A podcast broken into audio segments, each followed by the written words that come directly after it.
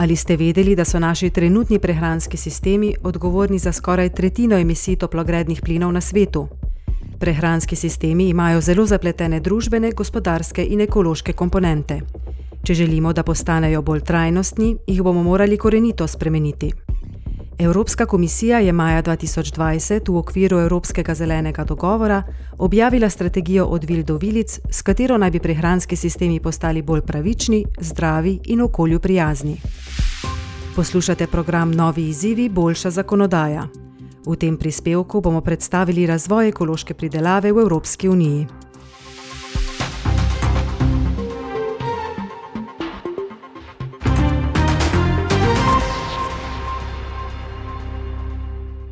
Z ekološkim kmetovanjem pridelujemo visoko kakovostno hrano z majhnim vplivom na okolje, kar je ključnega pomena pri razvoju trajnostnega prehranskega sistema za Unijo. Ekološkemu sektorju moramo pomagati, da se razširi. Tako bomo lahko več pridelali in manj uvozili. Ekološko kmetovanje je zelo obširna tema, ki zajema tako uporabo ustrezne vrste semen glede na določeno prst in podnebje, kot zagotavljanje dostojnih razmer za živali. Trajnostnost prehranskih sistemov pomeni tudi nove priložnosti za podjetja v prehranski verigi.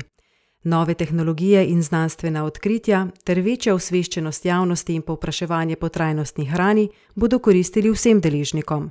Cilj strategije Evropske unije od vil do vilic je pospešiti prehod na bolj trajnostni prehranski sistem. V skladu s strategijo komisije bi morali do leta 2030 ekološko hrano pridelovati na četrtini kmetijskih zemljišč v Uniji. Na poti do konkurenčne trajnosti strategije od vil do vilic pa nam lahko pomagajo tri stvari. Prvič, cilj strategije je zlasti zagotoviti, da bo imel prehranski sistem od proizvodnje do zaužitja hrane neutralen ali celo pozitiven vpliv na okolje. To vključuje ohranjanje in obnovo zemlje, pomoč pri blažitvi podnebnih sprememb in prilagajanje njihovim posledicam, zaščito zdravja in dobrobiti živali ter spremembo trenda izgube biotske raznovrstnosti. Drugič, zagotoviti moramo prehransko varnost, visoko hranilno vrednost živil in poskrbeti za javno zdravje. Vsakdo bi moral imeti dostop do zadostne količine hranilne in trajnostne hrane, ki izpolnjuje standarde glede varnosti in kakovosti ter zdravja rastlin in živali. Tretjič, hrana bi morala biti cenovno dostopna, hkrati pa zagotavljati pravičnejši gospodarski donos v dobavni verigi. Ne na zadnje pa bi morala najbolj trajnostno pridelana hrana postati tudi najbolj dostopna. S tem bi postal dobavni sektor Evropske unije bolj konkurenčen, spodbujali pa bi tudi pravično trgovino. S to strategijo ima lahko Unija ključno vlogo pri postavljanju svetovnih standardov. Poleg novih političnih pobud bo za pravičen prehod bistvenega pomena zagotavljanje ustrezne uporabe obstoječe zakonodaje, zlasti v zvezi z dobrobitjo živali, uporabo pesticidov in varstvom okolja.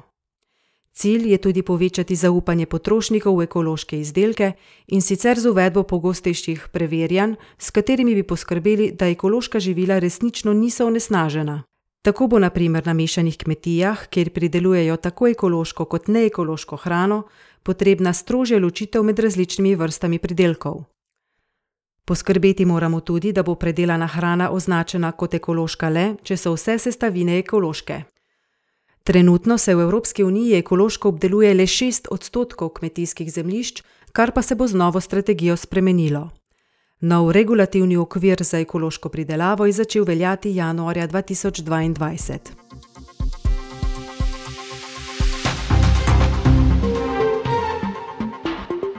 To je bil prispevek Evropskega parlamenta.